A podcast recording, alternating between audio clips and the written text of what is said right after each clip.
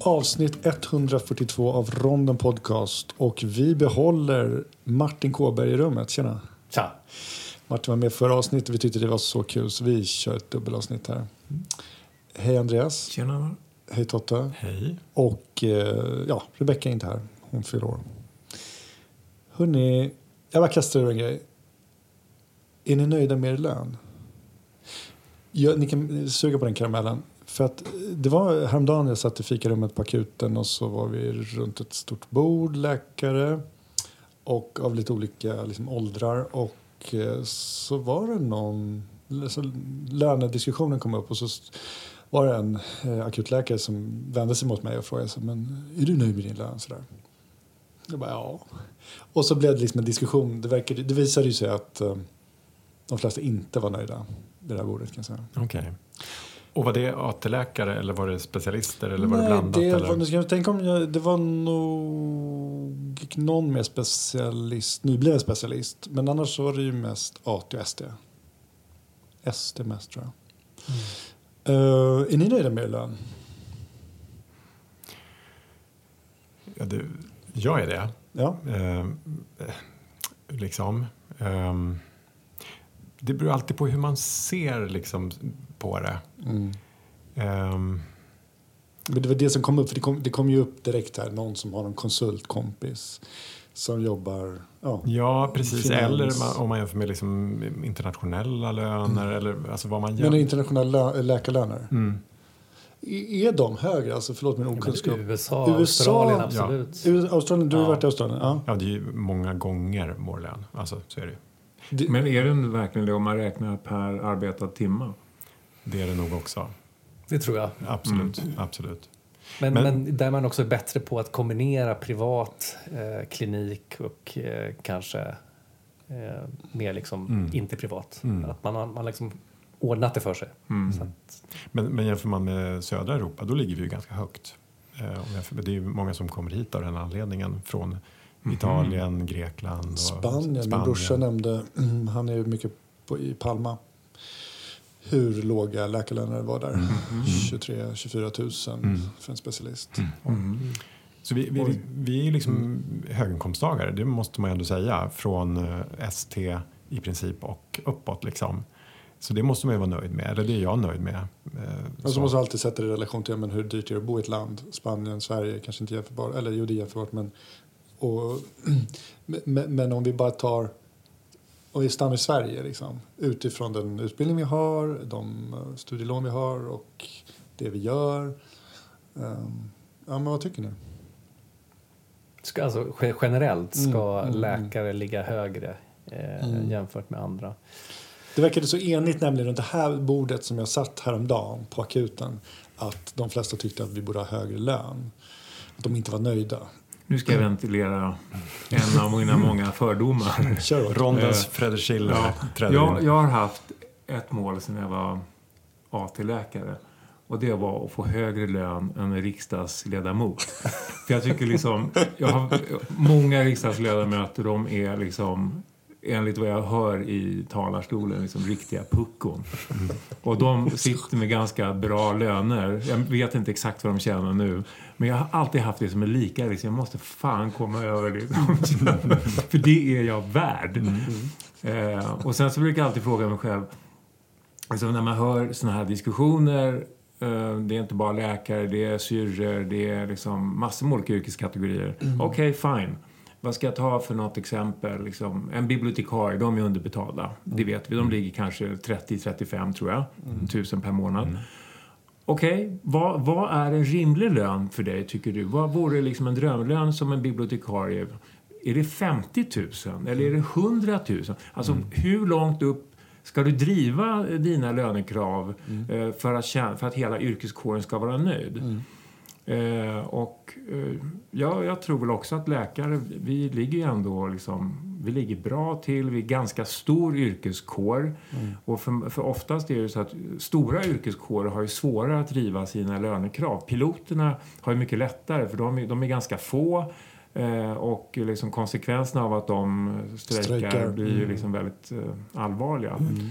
Så de är lite lättare. Mm. Men eh, jag jag tror att vi som kår bör vara rimligt nöjda. Men för du sa sjuksköterska där, du nämnde det till exempel Mm. i förbifarten. Det Mm. finns ju en stor skillnad där att de inte har samma löneutveckling. Eller De, har inte samma karriärutveckling. karriär, Möjligheter, det vill säga vi Nej. har alla våra steg. Det är Mm. biträdande, överläkare, du Mm. kan bli docent, du kan forska och så får Mm. du något tillägg och så. Ja. Men- Men visst, sjuksköterskan har en chefskarriär, Mm. antar jag. Det Mm. finns en löneutveckling där. Men det finns ju inte samma trappsteg. Nej.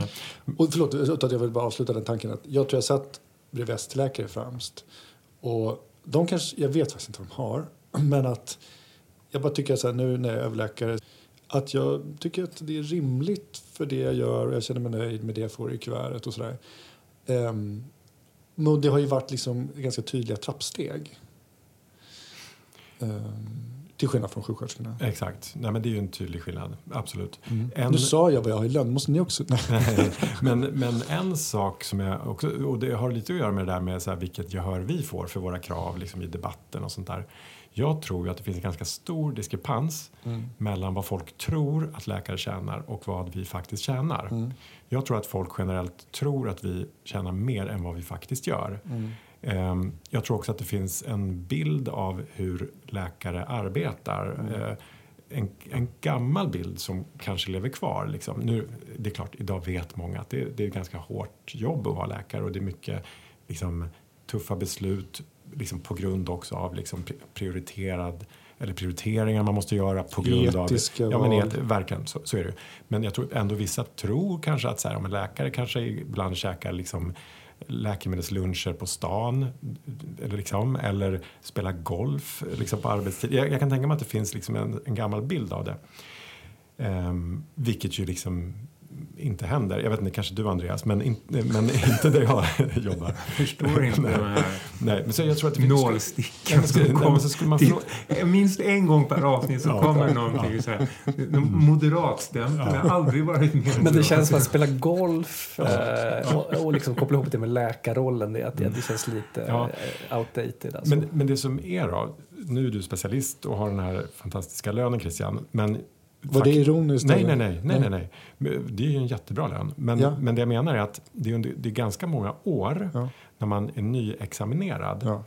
där man tjänar väldigt dåligt eh, med tanke på liksom utbildningsnivån. Där man först jobbar som vikarierande underläkare innan man får AT. Mm. Då finns det liksom en fast lön som regionen bestämmer. Det, det går absolut inte att förhandla. Du får en skitlön som är liksom lägre än sjuksköterskornas och lägre än de flesta undersköterskors också. Lite beroende på var du jobbar förstås. Sen blir du AT-läkare. Det är också en fast. Idag är den mycket högre än för bara några år sedan och det är bra. Liksom. Eh, Men under ganska många år så, så har man inte en superhög lön utifrån utbildningsnivån. Och då, får, och då får man lägga till lite att ofta kan det ta tid att komma in på läkarlinjen. Läkarlinjen är fem och ett halvt år. ehm, Snart sex år. sex år. Mm. Så att då, då har du liksom kommit upp oftast lite i ålder. Och det kan ju, dröja, det kan ju lätt dröja fem år innan du påbörjar ST-utbildningen Mm. efter en examen. Om du är i en storstad till exempel och har svårt att få AT. Ja men precis. Eh, Verkligen. Så det är fem år innan ST. Och så ST då höjs... Så, ja, ja. Och så forskar du och ofta gör det. Alla vi har gjort eh, eh, liksom parallellt. Man får inte så mycket tid för det. Men en, en sjuksköterska skulle nog invända så här, ja men eh, ni läkare får i alla fall betalt under er specialistutbildning. Vi måste Exakt ta lån. Ja. Mm, så är det. Eh, så- Verkligen stor skillnad. Mm. Mm. Mm. Verkligen. Nota bene. Mm. Och lö, löneutvecklingen är som sagt ju Mm. fantastisk Mm. jämfört med många andra yrkesgrupper. Mm. Det låter som ni är nöjda. Ja, men, men, men, med riksdags... eh, Alltså det är härligt med ett Ja, men index. det, vet du vad de Eh, har? Just, Det jag frågade inte. Vet du vad de har? Nej, de, de ligger väl runt eh, 80 någonting sånt där nu tror jag. Mhm. Ja. Jag hade gissat mycket högre. Jag trodde de hade 120 eller något. Nej, det nej. jag också trott. faktiskt. Statsråden ligger ju runt eh, 120-130 någonting sånt där. Och sen statsministern har upp mot 190. Nu är ni två chefer, Martin och Andreas här också. Så ni har väl en del tillägg för det. Jag ska inte fråga, men eller hur? Nej. Men eh, jag är nöjd med min lön. Men Ja. jag kan ju tycka att just chefstillägget kanske inte motsvarar det eh, Ansvar. ansvaret man får faktiskt. Det är inte Nej. det som är det stora liksom, Nej. delen av lönen. Nej. Det är det inte. Men, men jag, Jag, jag är nöjd och jag tänker så att framförallt är jag nöjd med, med jobbet. Mm. Eh, Det är det som är det otroligt fantastiska. Och jag går i jourer och sånt där också, jobbar kliniskt även med chef. Så att man har ju möjlighet till komp och Mm, flexibilitet och, och liksom dryga ut kassan om man nu känner det. Så att jag menar, det får man väl vara tacksam för. Ytterligare faktiskt om man ska verkligen, en skillnad mot sjuksköterskan där att som läkare så har man ofta bra jourtillägg, nätter, helger och har möjlighet att just jobba så med som jour utöver sin... Och du garvar? Nej, jag, jag, jag lyssnar Nej bara. men, nej men så är det verkligen. Intresserad. Så att, eh, ja. Jag var faktiskt inne på SCB och kollade lite lönestatistik för läkare. Mm. Och då jämförde de då, och det, det var bra också för de hade delat upp det så tydligt i liksom AT-läkares löner, ST-läkares löner och specialistläkares löner. Och det är inte alltid de gör det när de pratar läkare och det blir så svårt att veta vad det är man pratar om. Liksom. Här har de gjort det på ett jättebra sätt. Och fortfarande är det så, så att män eh, bland specialister och ST-läkare, egentligen i alla de här kategorierna, så tjänar män mer än kvinnor. Eh, och jag tror att det var ungefär en tusenlapp i månaden som skilde liksom, på alla nivåer. Det var inom då offentlig vård. Men inom den privata vården, där tjänade faktiskt kvinnor mer än män. Mm. Och det var, jag var lite, eller vad tänker ni? Jag såg ett inlägg precis nyligen i sociala medier att nu, från och med nu så jobbar kvinnorna gratis resten av året ut. Just, det. med tanke på lönegapet. Just det, precis. Men för jag tänkte väl egentligen säga, jag var lite mest fascinerad över att om, är det inte i den offentliga vården, tänker jag, som, som skillnaderna borde vara minst? ja, det där har jag ingen... Ja, precis. Nej. Hörrni, ingen ehm, tanke. nu ska ni få lite statistik här. Eh, Riksdagsledamöterna tjänar 73 000 i månaden. Jaha. Och sen om man då vill ha ehm, veta vad eh, statsråden tjänar så har statsministern en lön på eh, 191 000 och de övriga eh, statsråden 150 000. Bra. Men du ser ganska liksom nöjd ut så jag utgår från att du har uppnått ditt mål. Ja, men det... 190 000! Nej, jag pratar... Jag sa mer än riksdagsledamöterna, sa jag. Eh, och det, den lönen har jag passerat. Saltar ni mycket på maten? Mycket. Nej, ja, mycket. Mycket, Mycket. ja. Så mycket jag kan. För lite får jag höra ibland. Mm, mm. Då kan man inte, ja, I slutändan kanske det är lugnt, säger jag. Med tanke på en studie som kom ut här för några veckor sedan som, i JAMA, stor eh, tidskrift, om salt. Ehm, och, och då, det är alltid kul lite med artiklar som fångas upp i dagspress eller i vanliga tidningarna. Den, den stod de, tror jag. Eh, det var inte så stor studie, men de hade det var några hundra personer. Det här var människor som både stod på blodtrycksmediciner och inte blodtrycksmediciner. Det var två- tre grupper tror jag. Och, eh, och så var det tre, de delade, det var liksom tre behandlingsarmar. Normal kost, så som man åt nu. Eh, eller normal kost plus eh, 2,2 gram salt. Eller väldigt låg salt eh, per, dygn, eh, per dag. Eller väldigt låg eh, saltkost, alltså saltinnehåll i kosten, 0,5 gram. Och då frågar man sig, men vad är, vad är normalt? Då? Men, WHO rekommenderar 6 gram per dygn. Vad tror ni vi äter i Sverige i snitt per dygn? Hur mycket salt? Det var ganska mycket va?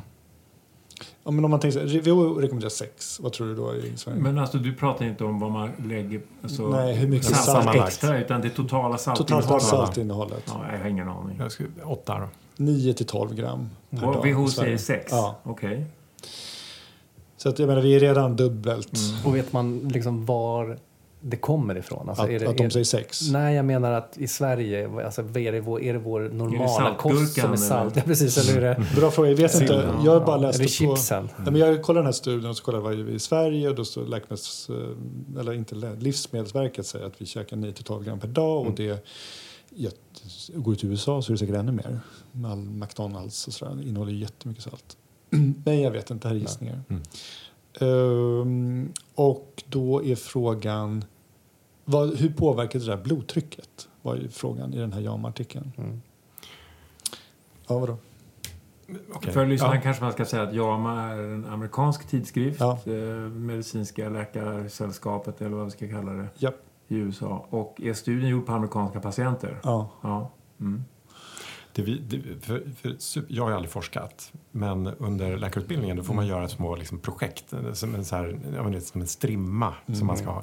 Och då var en av de uppgifterna vi fick, det var just att ta reda på, liksom, vi skulle söka på PubMed och på alla sådana ställen och ta reda på hur Inte Wikipedia. Nej, inte Wikipedia. Ta reda på då hur salt påverkar vårt blodtryck. Och av alla de studier vi tittade på då, det här var flera år sedan, då, eh, det vi liksom fick fram sammanlagt, det var liksom att om man helt reducerar eh, allt, liksom hela intaget från eh, salt, eh, då kan du sänka ditt blodtryck med en millimeter kvicksilver. Oj. Ingenting. Ingenting. Ehm, sen, det här var naturligtvis inte någon riktig studie vi gjorde, liksom, utan, men vi tittade på en massa. Så jag gissar att, att det här påverkade väldigt lite blodtrycket. Eh, nej, men grejen var den att det påverkade ganska mycket.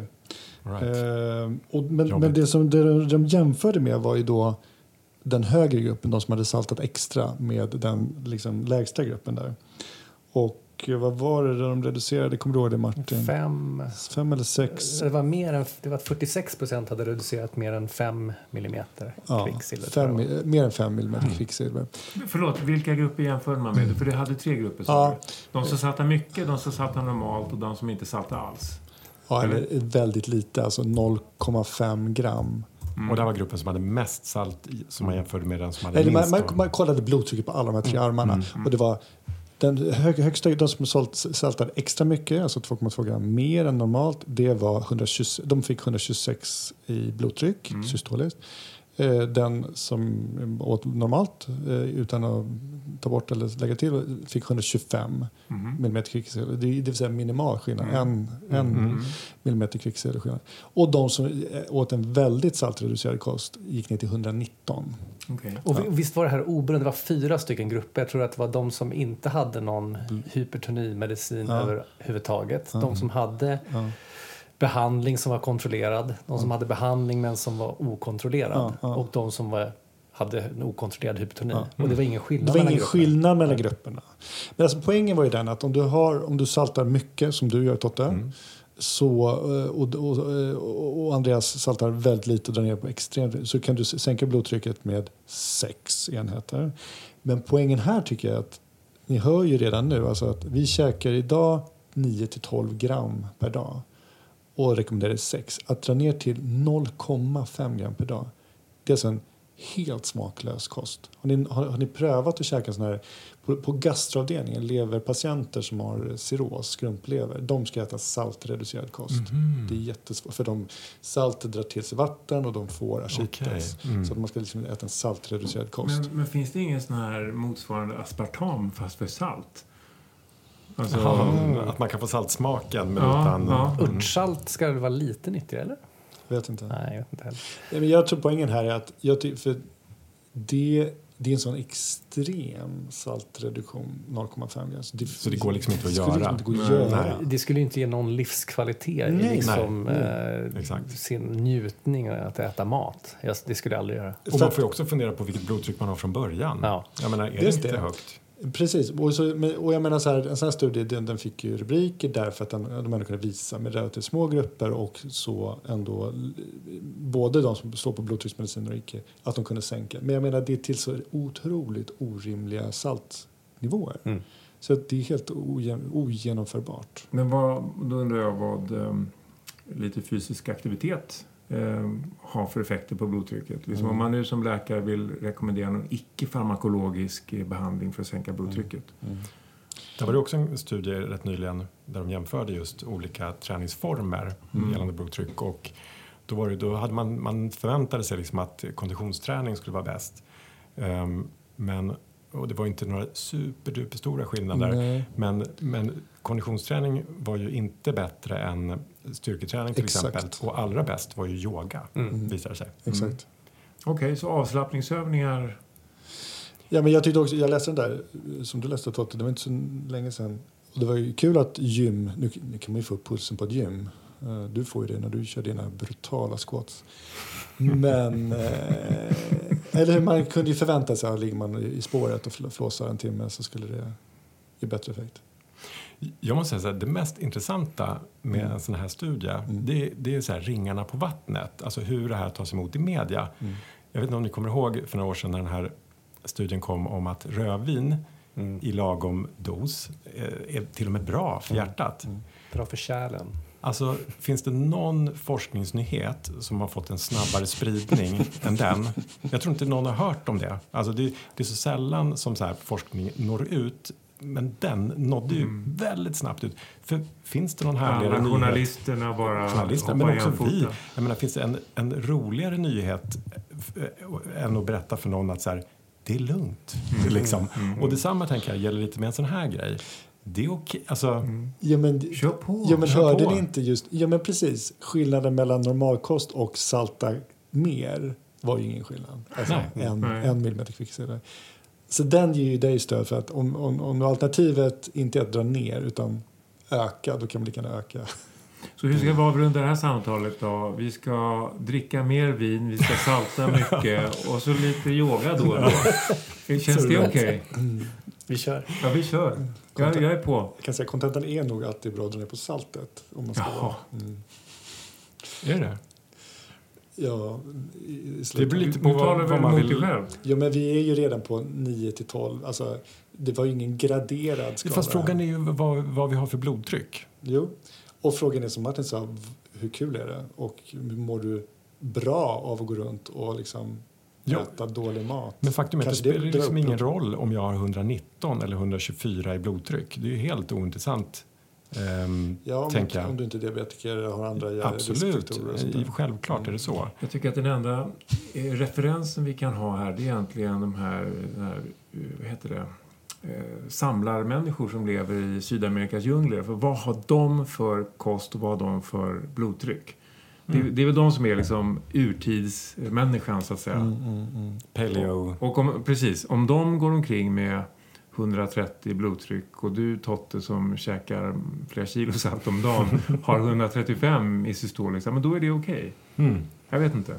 Allt det här snack om salt gör att jag blir hungrig. Ja, jag blir så det räcker med efter en- På saltkarlen. en cheeseburgare. Mamma, lita på mig. Pappa, lita på mig.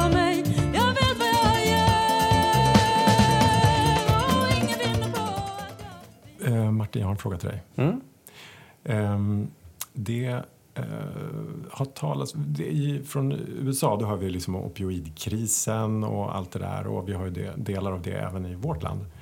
Ehm, men jag har också hört att det finns någon ny grej som man liksom toppar de här eh, med som heter trank. Och jag har bara läst lite om det så här men vet inte så mycket mer. Mm. Vet du någonting om trank? Lite grann. Mm. Eh, eftersom man ändå någonstans bevakar det som händer i världen eh, när det gäller droger. Och jag har nyligen varit på en konferens faktiskt där det lyftes en hel del eh, frågor om det här. Och det är precis som du säger att det här är ju någonting som man nu blandar ut framförallt fentanyl med i, i eh, USA. Därför att där har man ju gått ifrån den här liksom opioidkrisen till att det blev att folk började använda heroin och så försvann heroin och så kom fentanyl in som är mycket starkare på marknaden. Förlåt, bara, så med alla. Fentanyl är en syntetisk opioid. som är hundra gånger mer potent än, än eh. Heroin, och- morfin och så. Och, och en till fråga. Var var du på den här konferensen? Nej, men jag var i Genève. Ah, okay. Ja. Jag trodde det var Kanada. Så är det, var det inte där det också var en stor del av den här... Eh, Ja, men I British Columbia, i Vancouver och Ja. i USA så är det jättemycket Ja, det det, trank. Mm, och det heter till och med trank dope. För Okej. att det mixas då med, med opioider. mhm, Eh, mm. Men, men så de här eh, presentationerna som var på den här eh, Mm, mm. konferensen var ju framförallt då från, från Nordamerika. Mhm, Ja, Men det. vad är trank? Ja, men det är en... Alltså det är en eh, klonidinliknande eh, substans. Som, alltså det, det är egentligen ett sederingsmedel som veterinärer använder. Som inte är för humanbruk, men det är lite klonidinliknande. Då, då. Eh, och eh, det där säljs och produceras eh, i USA, men man kan köpa, köpa det otroligt billigt från Kina.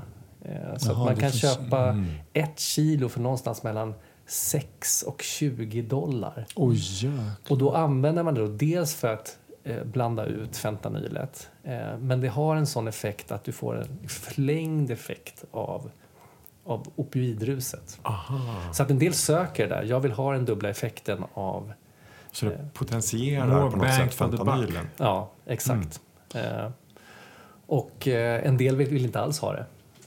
Och, det har ju massa negativa konsekvenser. Man kan ju liksom överdosera mycket lättare. Så från att gå till en extremt komplex opioidepidemi och överdosepidemi så lägger man, adderar man ytterligare till en, liksom en väldigt preparat, farlig liksom. Mm. eh, substans som heter psilocin. Ja, psilocin. Ja. Jag kan skjuta in eh, bara en liten kort nördmedicinsk eh, aspekt av det här. För du sa att det var som klonidin, ett gammalt sånt sömnmedel. Eh, och det, psilocin heter substansen som du sa, trank. används djur, veterinärmediciner. Men vi använder ju inom sjukvården, liksom intermediärvård, intensivvård, något som heter Dextor. Som är samma andas barn, Mhm. alfa-agonist, Mm. som, som klonidin och psilocin och så. Mm. Ehm, och, och det är bara så intressant för att Dextor som är jätte, jättebra läkemedel som vi tycker väldigt mycket om därför att vi liksom kan ratta upp och ner i infusioner och söva patienter. Men vi har ju supernoggranna liksom, eh, Titrering, titreringar, tabeller och allt det där. Ehm, och vet precis vad som kan hända med för höga doser och så. Och så tänka sig det att i liksom en helt smutsig form ta det på gatan Mm. är, är en väldigt skrämmande tanke. Och en grej med det här läkemedlet är ju att det finns faktiskt motgift som heter Atipemazol. Mm. Eh, men det finns inte för människa. För jag tänkte när du sa hela opioidkrisen, men du som jobbar jättemycket med Naloxon, där har du ju ett motgift liksom. Absolut. Och här har du inte det då. Och det är precis det de beskriver. Att här har man, liksom, man, har, man har skjutsat ut eh, Naloxonet på gatan Mm. i, i Nordamerika. Och sen helt plötsligt lägger man till en substans som ökar risken för överdos där Naloxonet inte funkar. Mm. Men, men eh, vi använder ju också klonidin faktiskt i beroendevården. Mm. Eh, Katapresan. Katapresan. Just det. Som vi använder vid opioidabstinens i Mm. väldigt eh, låga doser. Jättebra läkemedel. Mm. Mm. Men problemet med, med psilocin eller det här då, Mm. eh, trank dope, det är också att det ger väldigt, väldigt fula eh, mjukdelsinfektioner. Eh, alltså det sprids liksom i...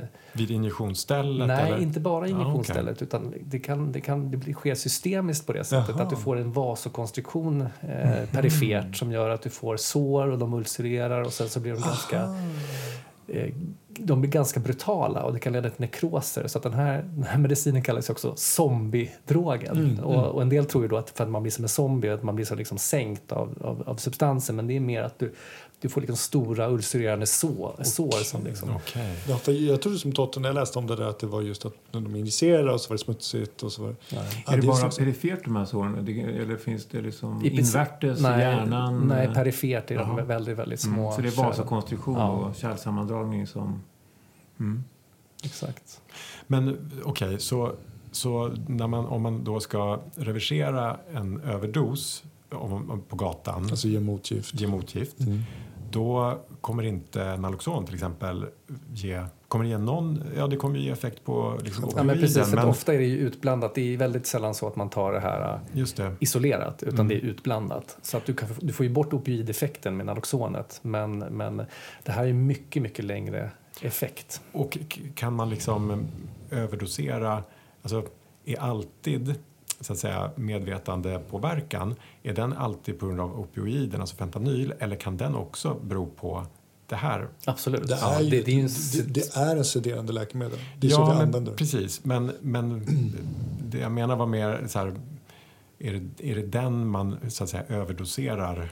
Eller är, vilken är farliga? Eller båda är väl farliga ja, båda är farliga men ja, det blir framförallt kombinationen Ja, i de här det. fallen. Ja, men det, jag menar, det är ju en, en veterinär Mm. anestesi Mm, egentligen. mm, mm. Så att det, Finns, finns den här i Sverige redan? Alltså, jag fick faktiskt en fråga eh, för någon vecka sedan att det var en patient som hade upplevt något. De ringde från ett behandlingshem och tyckte att en patient hade reagerat väldigt udda. Eh, som hade tagit i och för sig opioider. Men det var, för lång, det var för lång och för konstig symptombild så då undrar de över det. Och jag tror nog inte att det var det. Eh, jag tror ändå liksom det vanliga var det vanliga att det var någon opioid i alla fall. Och han behövde inte komma till sjukhus och sådär. Men så att jag, vi, ser inte faktiskt i Sverige i någon större utsträckning, även om det blir såna alarmerande nyheter i tidningen att nu kommer zombiedrogen till Sverige eller nu kommer kannibaldrogen eller nu kommer krokodil. Och, så, och så tror man att det ska liksom eh, vara väldigt förekommande. Men däremot så har man sett, man gör som ett studier i varje år eh, från den europeiska drogbyrån där man analyserar droger i gamla använda sprutor. Och då har man sett faktiskt i framförallt i eh, baltstaterna att det är förekommande där. Och när jag pratar med mina kollegor i USA och Kanada så säger de så här, men det är inte en fråga om fentanyl kommer till Sverige eller om trank kommer till Sverige utan det är bara frågan när. Mm, precis. Men enligt hur de resonerar så skulle man ju kanske redan ha trott att den här epidemin skulle ha nått oss. Så det har den inte. Så jag tror att vi har lite mer beredskap men jag vågar inte svära mig fri på att vi inte kommer hamna i samma situation. Men vad är det som, vad är, hur, vad är, hur är dynamiken? Exakt. Vad är det som gör att det, att det inte kommer till Sverige så snabbt som man trodde? Men det måste väl För det, det är med- väl drog, Ja, men- karteller som Ja säger det men, här? ja men absolut. Varför De- skulle de bespara De kan ju Sverige? positionera sig men samtidigt så har du ju en helt annan situation i USA där du har liksom en stor del av befolkningen som har blivit beroende av opioider på grund av att man inte har kontrollerat liksom förskrivning av opioidanalgetika. Och det är vi bättre på att inte göra. Sen har vi ändå, man hoppas att man kan lära sig av historien. Det finns ju det. inga garantier för det.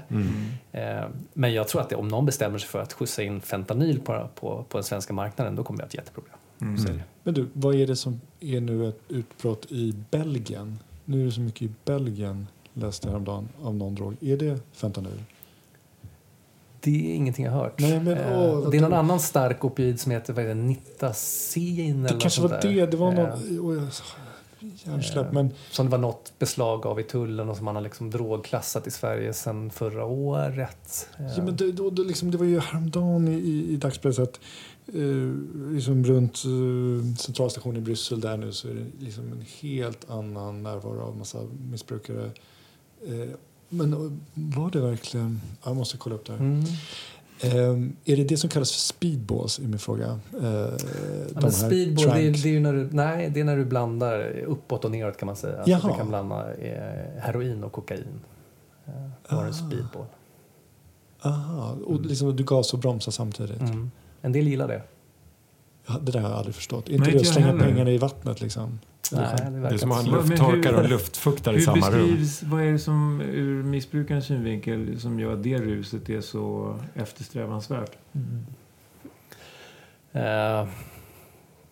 ja, det vet jag inte. Det är inte Nej. jättevanligt så jag har faktiskt Nej. inte liksom gjort någon djupdykning Nej. i det. Men det är så, alla har ju olika preferenser. Om man till Mm. exempel ser, om man frågar någon så här, eh, beskriv en person som tar heroin till exempel. Ja, men då ställer sig folk i den här påsen, du vet när man är noddar med liksom knäböjd men håller Mm. ändå balansen. Det är ju väldigt få egentligen som söker den nivån av liksom, eufori, Rus. ruskick. Mm.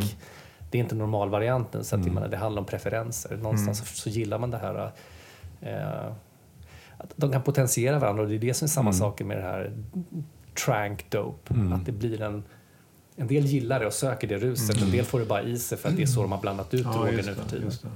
Ja, och förlåt, bara- det finns ju inte alltid någon superlogik för att vissa eh, patienter som är intoxer som kommer till vår enhet kan ju ha blandat både, inte bara två utan tre och fyra saker. Och de går uppåt och neråt och åt sidan och man förstår vad, vad, är, vad är logiken här? Och det är bara, Man vill bara ha ett rus. Liksom. ja, man, Får, får bara säga en sak? Eh, så här, nu när vi pratar, då har ni sagt missbrukare två gånger. aha. Ja, eh, Jag är inte jätteförtjust i det. Nej. Alltså jag tänker att det är ett stigmatiserande ord. Bra, om, man, bra. om man pratar med, med liksom patienterna eller brukarna själva så är de, tänker de så här, men det där, det där gillar inte vi. Nej. Utan jag brukar säga personer som använder droger. Mm. Och jag tänker så att vi inom sjukvården har ett stort ansvar Bra. att, att uttrycka sig Mm. Bra, bra, bra. korrekt. Bra. Men många Mer- tänker mer- inte på det och kanske Mer inte... neutralt, så här, inte så laddat. Och Ja, men det blir, det blir Ja. så stigmatiserat. Ja. Eh, Mm. Men det är en sån lång harang patienter som använder, det finns ingen förkortning där. Kan brukare då? Är inte det okej? Ja, men det kan man säga. Ja. Ja, brukare Mm. eller? Ja. Ja, det tycker jag. ja. Men, ja, förlåt. Ja, jag har en lite så här Mm. Antropologisk fråga gällande drogbruk. För jag, det här är bara min privata observation, det kanske är helt fel. Men jag har en teori om att droger har använts av människan i alla tider, i alla samhällen. Eh, liksom, även liksom, indianer ute i djungeln använder det här ayakuch, vad heter det där? Det finns Ayahuasca. Ayahuasca. Ayahuasca, precis. Och i menar, hasch, jag var i Bhutan i september, där växer mm, hasch liksom fritt ute överallt. Vad, du som är liksom, jobbar med det här, vad är det hos människan som gör att vi söker droger? Har alltid gjort och kommer alltid göra. Vi har en så jäkla repressiv svensk narkotikapolitik men det här är ju någonting som verkar vara inneboende hos människan. Vad är dina tankar kring det? Nej, men jag, jag håller med dig helt och hållet. Jag menar, man har hittat opiumfrön liksom i krukor från Mesopotamien. Så att det stämmer. Det här är en del av liksom mänskligheten och mänskligt beteende. Jag tror att det finns ett extremt stort behov av att fly, bedöva sig, liksom uppleva, alltså förvr- förvränga sinnesbilden, eh, slappna av. Jag menar, nu pratade vi alldeles nyss om att det här med alkohol och att det var studier förut som visade att det var okej att dricka liksom, vin var bra. Nu har det ju kommit nya studier som säger att det finns absolut ingenting gott med alkohol överhuvudtaget. Liksom, från första droppen så är det liksom negativt. Exakt. Eh, det är, det är liksom den nya sanningen. Men så tänker jag ändå så här att jag menar, alla kulturer använder olika bedövningsmedel då. Och jag tänker så hur skulle världen se ut om man inte hade möjlighet att, att liksom i perioder bedöva sig? Och jag menar, då kommer vi in på den här diskussionen om rekreationellt bruk och egentligen så kan man ju fundera på vad problemet med det är. Alltså om, under förutsättning att det inte är illegalt. Ja, men tar man droger i Sverige så är man per definition liksom kriminell. Men om man nu då hanterar en drog som i Sydamerika att man går och tuggar kokablad och får liksom en liten centralstimulerande effekt av det. Eller att man eh, tuggar katt eh, i sociala eh, kontexter liksom i, i Afrika. Jemen. Vad, vad, vad är problemet? Mm. Jag, tror att vi, jag tror att mänskligheten behöver ta droger. Mm. Men när det blir ett problem och det liksom, du får konsekvenser av det, Trunk. medicinska. Ja men exakt, jag menar. Där kan vi snacka om problem. men Mm. Och man, man funderar på när i människans liksom, historia och utveckling började vi använda droger? För att vi, det finns väl inga, inga djur som berusar sig va? på ett... Eh, det tror jag Älgar, älgar. Ja, inte medvetet nej, kanske. men inga, inga primater, inga apor som håller på och jo, käkar jag något. tror absolut att det Är det finns. så? Ja, jag är Ja. ganska säker på att jag har läst sånt. Ja, men då är de- vi inte unika alltså i, Nej, inte i ens det här. där. Nej, Nej. inte ens där. Nej. Ehm, vi har ju ehm, i några av våra avsnitt så har vi pratat lite om andra specialiteter. Vi har också pratat lite om våra specialiteter. Och vad ska man säga, kan man säga vädrat lite fördomar kanske?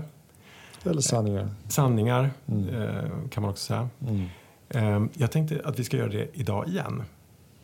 Bra, det var länge sedan. Har vi tagit kärlkirurger? Nej. Nej. Nej, Så du, du ligger det i ligger fortfarande lite risigt till. Det, Mm. det finns mycket att säga om kärlkirurger. beroendeläkare? Beroendeläkare tar vi inte idag heller och det är för att vi vill vara lite schyssta mot vår gäst idag.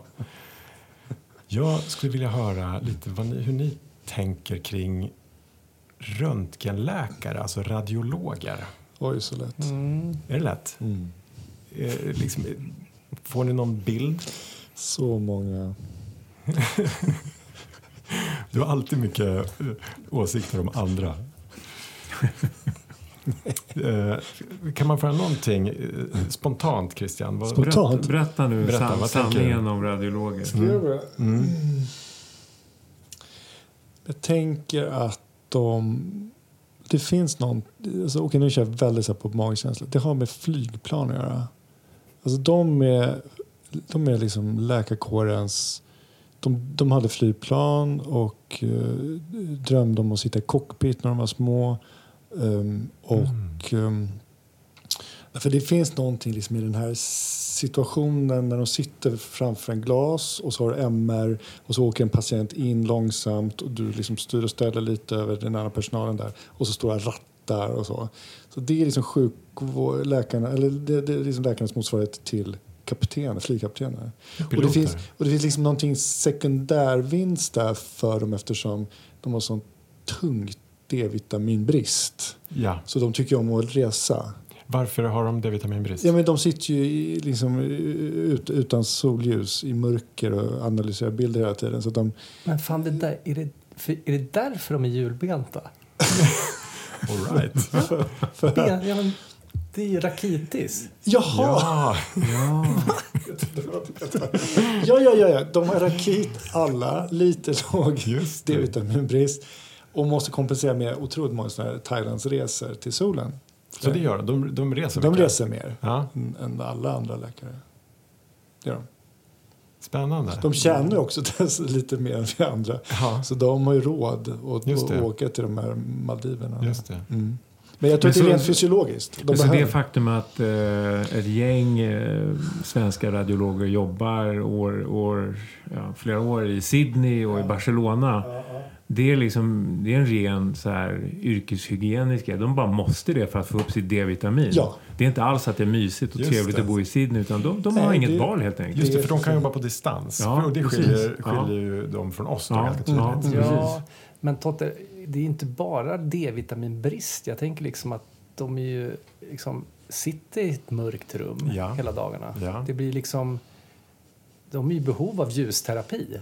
Och därför Mm. sitter de väldigt nära de här skåpen ibland, som man kan det är- Men, men de som inte klarar det, de har ju då dragit till solen just. Mm. Ja, de har flyttat till Australien Mm. Just det. Mm. och, och liksom jobbar där numera. Ja. Ja. Och eh, sitter och liksom... Istället för att deppa liksom. Ja. Eh, Ja. så det är en ganska rimlig åtgärd. Då. Men, men vad har vi mer på D-vitaminbrist? Det stämmer ju väldigt väl eh, i symptombilden där. Ja. Eh, Julbenthet var man med. Nej, men Man kan ju se tycker jag, i matsalen när de kommer ut och alla håller för, de skymmer, de är så känsliga för ljuset. Liksom. Eller Så- ha sol, solbrillor på sig. Solglasögon. Ja. Eh, ja, just det, precis. Och vad har vi mer? Um, just Vad det. läser du på nu Christian? Du sitter och... Scrollar. Gångsvårigheter, parestesikramp, frakturer, magslag. Mm, Ja. okej. Ja, nej, Ja, men ja. ja, ja, Ja. vi kan se det. Mm. Men, men mer? Okej, så de är liksom lite... lite um, Depressiva. Depressiva, Ja, ja. men jag tänker liksom Mm. det, det ja, men man, de har fått lite sol. ja, det Vi är behöver, vi behöver ljus för att må bra. Käkar de, det är inget större, muntert gäng. Nej. men käkar de då i större utsträckning SSRI, antidepressiva? Har du dem hos dig? en, stor, en stor patientstock med radiologer. Det det. Nej, det har jag verkligen inte. Ehm, nej, men kanske att de... Ja, mm. Andreas, vad säger du? För du måste ju ha haft mycket mer med radiologer göra än vad vi har. Jag tänkte ehm, säga att eh, de kan ju vara jävligt kantiga. Okej. Ehm, och eh, men hur många gånger har man inte blivit uppringd av en radiolog Ja. som har ifrågasatt liksom, varför måste den här patienten genomgå just den här undersökningen just nu? Och, och så ska man då liksom tjafsa och övertyga eller övertala den här kollegan om att ja, men det är faktiskt indicerat att göra det här. Och ibland så, så vinner man, ibland inte. Men sen när jag var, jag var många år sedan, när jag var på SÖS, så lärde jag mig tricket. Hur man får igenom alla sina röntgenundersökningar. Även om de bara dela. sagt ingenting efter klockan nio på kvällen. Ja. Du lyckas ändå. Ja. Hur går det här Vad är till? tricket? Nu- Det kanske inte du ska outa här nu. Jo, men jag ska outa det, för det här ska alla höra. Tricket är, när du, när de, du vill beställa liksom en röntgenundersökning av buken. Ja, klockan elva på kvällen. Klockan 11 på kvällen, eller klockan 5 på morgonen. Och så, så ringer då en sur, liksom, trött eh, radiolog igen. Förmodligen överarbetad och dessutom deppig och med rakit, julbent och eländig. Det, var, det här det är inte motiverat och det behöver vi inte göra och det, det kan vänta till imorgon. Och då säger jag så här, okej, fine. Men då blir det ditt ansvar att vi inte gör det här. Jaha, ja, ja, okej då, men skicka hit patienten då. För det ansvaret vill de inte ta och det kan de inte ta. Så det funkar. Men grejen att, ja, nu blir nu utanför vår bonanza här, men, men, men att jag kommer anse att tycka att ibland är det väldigt skönt att de, de just är lite djävulens advokat. Nej, men så här, jag, jag är verkligen, har ingenting emot att diskutera till exempel modaliteter. Du har beställt ett ultraljud. Det är inte bättre att vi gör en DT på den här patienten därför ABCD. Jättebra att ha den typen av kollegiala diskussioner. Det gillar jag verkligen för det är så vi vill ha det ju. Men det är de här, det jag egentligen gnäller på här det är de här eh, liksom, dysterkvistarna, gnällspikarna som, som, som har gjort det, satt i system. Jag tror att på varje sjukhus i Sverige så finns det en välkänd radiolog som, som ringer till alla och klagar. Och en välkänd kirurg. Det var precis ett tyst krig Ja. som har pågått i flera år ja, där. Ja. Vad har du på radiologer, Totte? alltså, jag- jag håller med lite. bilder? Nej, men jag tänker mig också någon som liksom kisar mot ljuset. Mm. Eh, eh, och eh, de är, jag tänker mig... eh, Alltså, de är inte så, så sociala. Och det är inte alla läkare som är det. Liksom. Eh, jag tänker mig att de är... De, de träffar ju liksom inga patienter ju. Eh, Och de har ju valt bort den delen. Liksom. Aktivt. Ja, aktivt. Mm, Jag mm. tror egentligen inte heller att de gillar så mycket att umgås med kollegor heller. Ehm, utan jag tror att de är... alltså, eh, nej men det kanske... Jag Kommer till någon personlighets...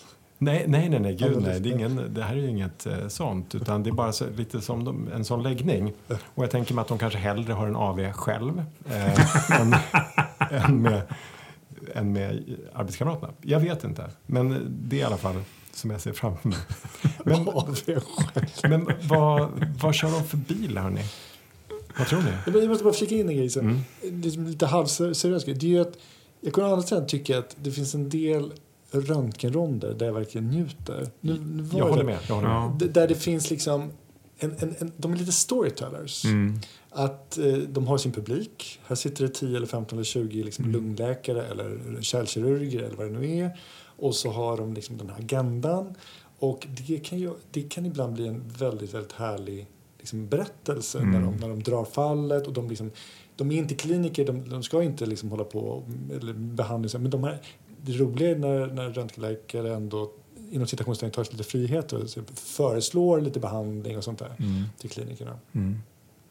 Så att, Det är, en, det är en föreställning. Ja, men och den kan vara, kan vara. ja, verkligen, Det kan vara väldigt, väldigt njutbart och Ja. otroligt imponerande många gånger vad de kan se på bilderna. Verkligen. Neuroradiologer som håller Ja. låda. Herregud, Mm. då är man ju mindblown. Mm. Är det liksom toppen av the top? Jag vet inte.